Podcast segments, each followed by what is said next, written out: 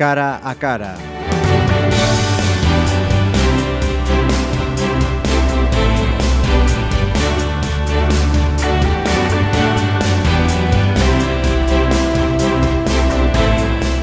Saludos, arrancamos este cara a cara en el que hoy vamos a ser tres, no vamos a ser dos como habitualmente. Y tengo a dos eh, jovencísimas pontevedresas, ellas son Nerea Rodríguez y Marina Hermida, bienvenidas. Hola. hola, hola. ¿Y por qué las tenemos aquí? Pues porque vamos a hablar de una iniciativa que a día de hoy vamos a aclarar. Está mm, celebrada al 50%. Se trata de una iniciativa mm, que se ha estrenado este año en el calendario estival festivo de aquí de Pontevedra, Son PAF, Festival de Música, pero con particularidades eh, muy novedosas e interesantes. Y resulta que eh, esta idea, este festival, este Son PAF, eh, tuvo su germen en varias personas, entre ellas las dos protagonistas de este cara a cara. Nerea y Marina, contadme mm, cuándo, cómo se, se os plantea o surge esta idea de este festival eh, que se está celebrando, todavía queda eh, celebrar esa mitad. Hay que decir eh, que esta segunda parte tendrá lugar el 26 de agosto, lógicamente, a día de hoy, cuando estáis escuchando esto, ya ha tenido lugar, pero mmm, vamos a hacer una pequeña trampa, porque nos hemos, nos hemos adelantado.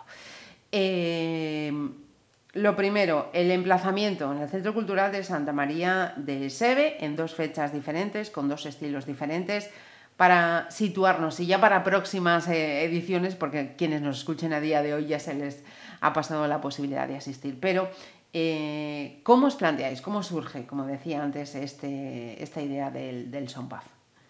Cualquiera de las dos.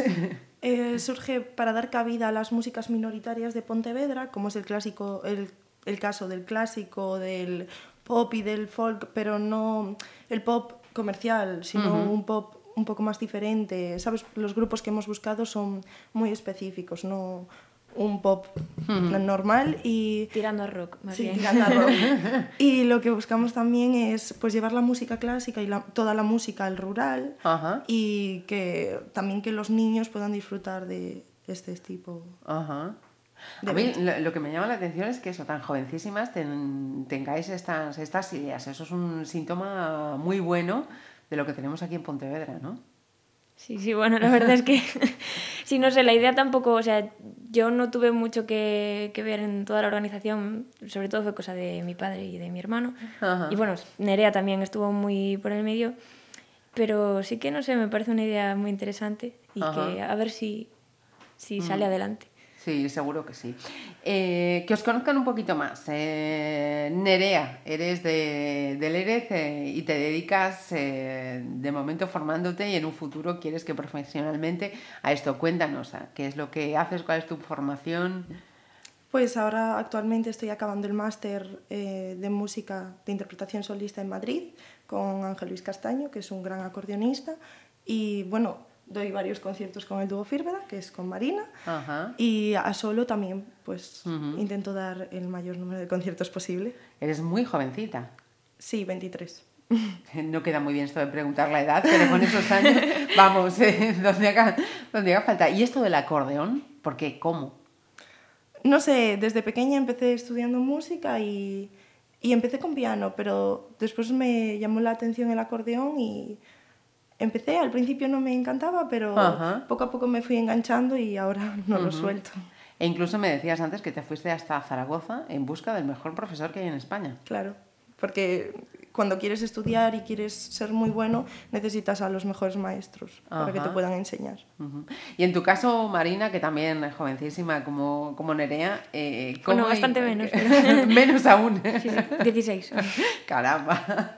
Eh, ¿Cómo surge y por qué? Y ah, en tu caso es el violín, ¿no? Sí, sí, sí, pues yo cuando era pequeña estaba un poco rodeada de música en casa, mi hermano toca el piano y mi padre eh, es aficionado, bueno, tiene estudios de hace muchos años también de piano. Y no sé, un día dije que, que me gustaría tocar el violín y simplemente, pues Ah, ya fuiste. nada, me compré un violincillo así para empezar, empecé, empecé, empecé me metí en el conservatorio y tuve una época en la que casi que lo quería dejar. Me, mis padres me empujaron un poco hacia adelante y a partir de ahí ya sí que no lo quise soltar nunca más. Ujú. Y nada, ahora cuando termine segundo de bachiller, pues Ajá. intentaré acceder a, al grado superior en diversas, me presentaré a diversas ciudades de España y de fuera de España Ajá. y a ver si, si consigo. Seguro que sí, seguro que sí, Marina. Em, porque hablábamos antes de que efectivamente estamos en una ciudad eh, con mucha efervescencia musical, ¿no? Pero quizá en unos estilos que no son eh, los que vosotras eh, ocupáis, ¿no? Sí, y que sí. con este festival precisamente lo que pretendéis es eso, ¿no? Generar ese, ese germen, esa difusión, en el caso pues, de la música folk o de la música clásica más específica en vuestro caso, ¿no? Que Sí. quizá también es lo que necesita ese empujón, como lo, como lo entendéis vosotras. Sí, lo que buscamos es crear este interés en Pontevedra, que la gente vea la música clásica como algo para disfrutar, algo cercano. Ujú. Luego de aquí la idea de Ajá. introducirla con otras músicas, Ajá. para que la gente se pueda acercar de una forma más natural. Sí. Sí, sí, porque la música clásica es algo que está como muy distanciado de, de la gente, sobre todo de... mm, No sé, es que aquí todo el mundo está acostumbrado a escuchar músicas más tradicionales y más, no sé, más... Ajá. que van direccionadas eh, a, A un público. a un público concreto que eso y orientadas como a dar fiesta no Ajá. y la música clásica ahora mismo está entendida como algo para es, es como Para algo muy élites, lejano ¿no? para élites claro Ujú. y lo que pretendemos con esto es acercarlo más a, Ujú. a todo el mundo Porque esa primera parte, que fue el 20 de agosto, dedicada al pop rock y folk, con, con cinco grupos, ¿cómo, cómo resultó? La verdad es que muy buena experiencia. sí sí sí No, no pensábamos que el primer festival, el inicio del festival pudiera tener tan buena acogida. El público fue estupendo, le Ajá. gustó mucho y Ujú. Nosotras quedamos encantadas. sí ¿no? sí sí Ajá. En el caso de, de tu hermano, eh, Julio Hermida, estaba en esa Mm. primera parte. Sí. Eh, él has, eh, ha tirado más por, por el estilo pop rock, folk. ¿Cómo, cómo ha visto la experiencia? Pues él, eh, según me ha dicho, creo que lo ha disfrutado muchísimo, se quedó también muy contento. Tampoco no esperaba que, que el primer día de festival tuviese tan buenos resultados, por Ajá. llamarlo de alguna manera. Y, y nada, o sea que hasta el año que viene más y mejor. Eh, habrá que llamaros en una próxima ocasión porque vamos a hablar de algo que a día de hoy es futuro, pero que cuando nos estén escuchando ya va a ser pasado, ¿no? Y es esa parte de, de música clásica, el 26 de agosto, en el que vais a actuar eh, eh, seis, seis formaciones en realidad, eh, cinco solistas y vosotras dos en, en el dúo, ¿no? Dúo Fielmeda. Pero me llamaba la atención y yo quería hacer hincapié precisamente en que eh, no es solo eh, ir allí a, a Santa María de Sebe y, y escuchar, sino que además vais a trabajar con niños pequeños, ¿no? Sí. Explícanos, Bueno, por favor. De, desde un mínimo de edad que no hay Ajá. hasta 18 años. Ajá. Porque normalmente cuando acabas el grado profesional, tienes 18 años, luego pues queremos dar cabida a todos estos chicos que quieren hacer las pruebas al grado superior y que también pues quieren tocar y quieren probar sus habilidades. Porque es necesario que se pongan en escena para intentar acceder a algún grado. Marina no es el caso porque ella toca muy bien. Pero... Se lleva bien este dúo. Eh, era, eh, se trata de una masterclass, ¿no? Me decíais, en la que les explicáis cómo interpretar y cómo perder ese miedo escénico. Sí. Sí, lo que buscamos con la masterclass es que los niños, una, se conozcan entre ellos, porque cuando estás en el conservatorio conoces sobre todo a los de tu instrumento y lo que buscamos es la diversidad, sabes que puedan ver cómo suena una trompa, una tuba, un violín, un cello, un acordeón, que entre ellos se conozcan, que hablen, eso es para mí primordial, Ajá. en plan de que abran nuevos lazos de amistad con otros músicos porque eso les va a animar a seguir Ajá. con ello. Y después, pues si podemos ayudarles a que sientan la música de una forma más cercana, yo creo que es La idea principal, ¿no? Sí, sobre todo a desatarse en el escenario, porque cantidad de niños que empiezan en el conservatorio, pues es como que se encierran en sí mismos y en el escenario están muy tensos, los notas que no, eso, ayudarlos a soltarse para que puedan expresar de verdad lo que quieren a la hora de tocar. Ajá. Lo, lo, vivís, ¿no? Yo os estoy escuchando, estoy viendo. Y ahora mismo con esa explicación que decía Marina, que se suelten, ¿no? Me imagino que para Sí. hacer eh, llegar, para transmitir todo eso que, que puede expresar un instrumento musical, hay que estar relajado y, y Claro, claro. tranquilo. Ujú. Bueno, y concentrado y... O sea, tienes que sentir la música muy dentro, porque si tú no la sientes, que eres el que lo toca, no vas a hacérselo sentir a Claro, los que te están al final el escuchando. instrumento es eso, Ajá. es un instrumento para poder expresar lo que estás Ajá. sintiendo en el momento, lo, lo que la música te hace sentir. ¿Vosotras eh, sabéis lo que es el miedo escénico? ¿O Sí. aquella parte, sí? Sí. Claro, es que nunca lo pierdes porque depende de la situación, pues siempre te queda grande o, o no. Cuando estás cómodo, pues igual no lo sientes, pero cuando estás en un festival, hace poco estuvimos en Madrid las dos tocando en un festival de, mm, internacional clásica, sí, de- sí, sí.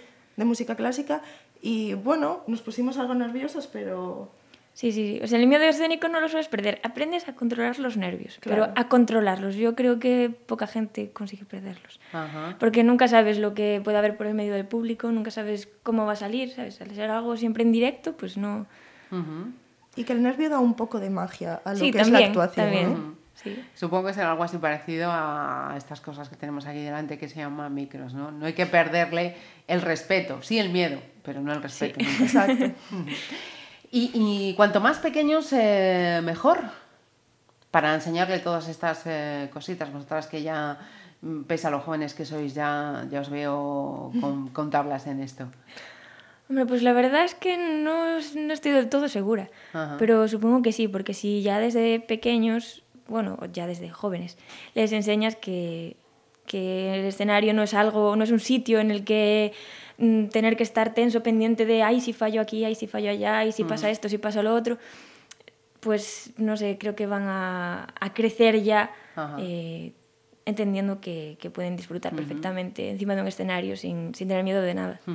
Fíjate que hay una cosa, no sé si vosotros me vais a poder eh, sacar de la duda. Sí que he escuchado que niños eh, con, con ciertas eh, dificultades en habilidades eh, sociales, en habilidades psicomotrices, se les recomienda que comiencen a tocar un, instrumento mm, para que las, eh, las superen. A mí es algo que me llamó muchísimo, muchísimo la atención.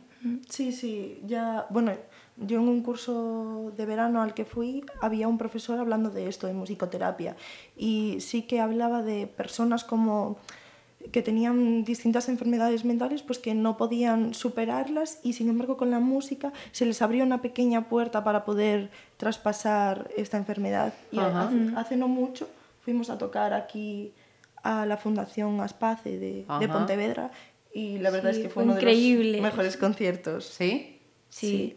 sí. porque es sorprendente como gente que, que tiene un montón de problemas para comunicarse con todo el mundo.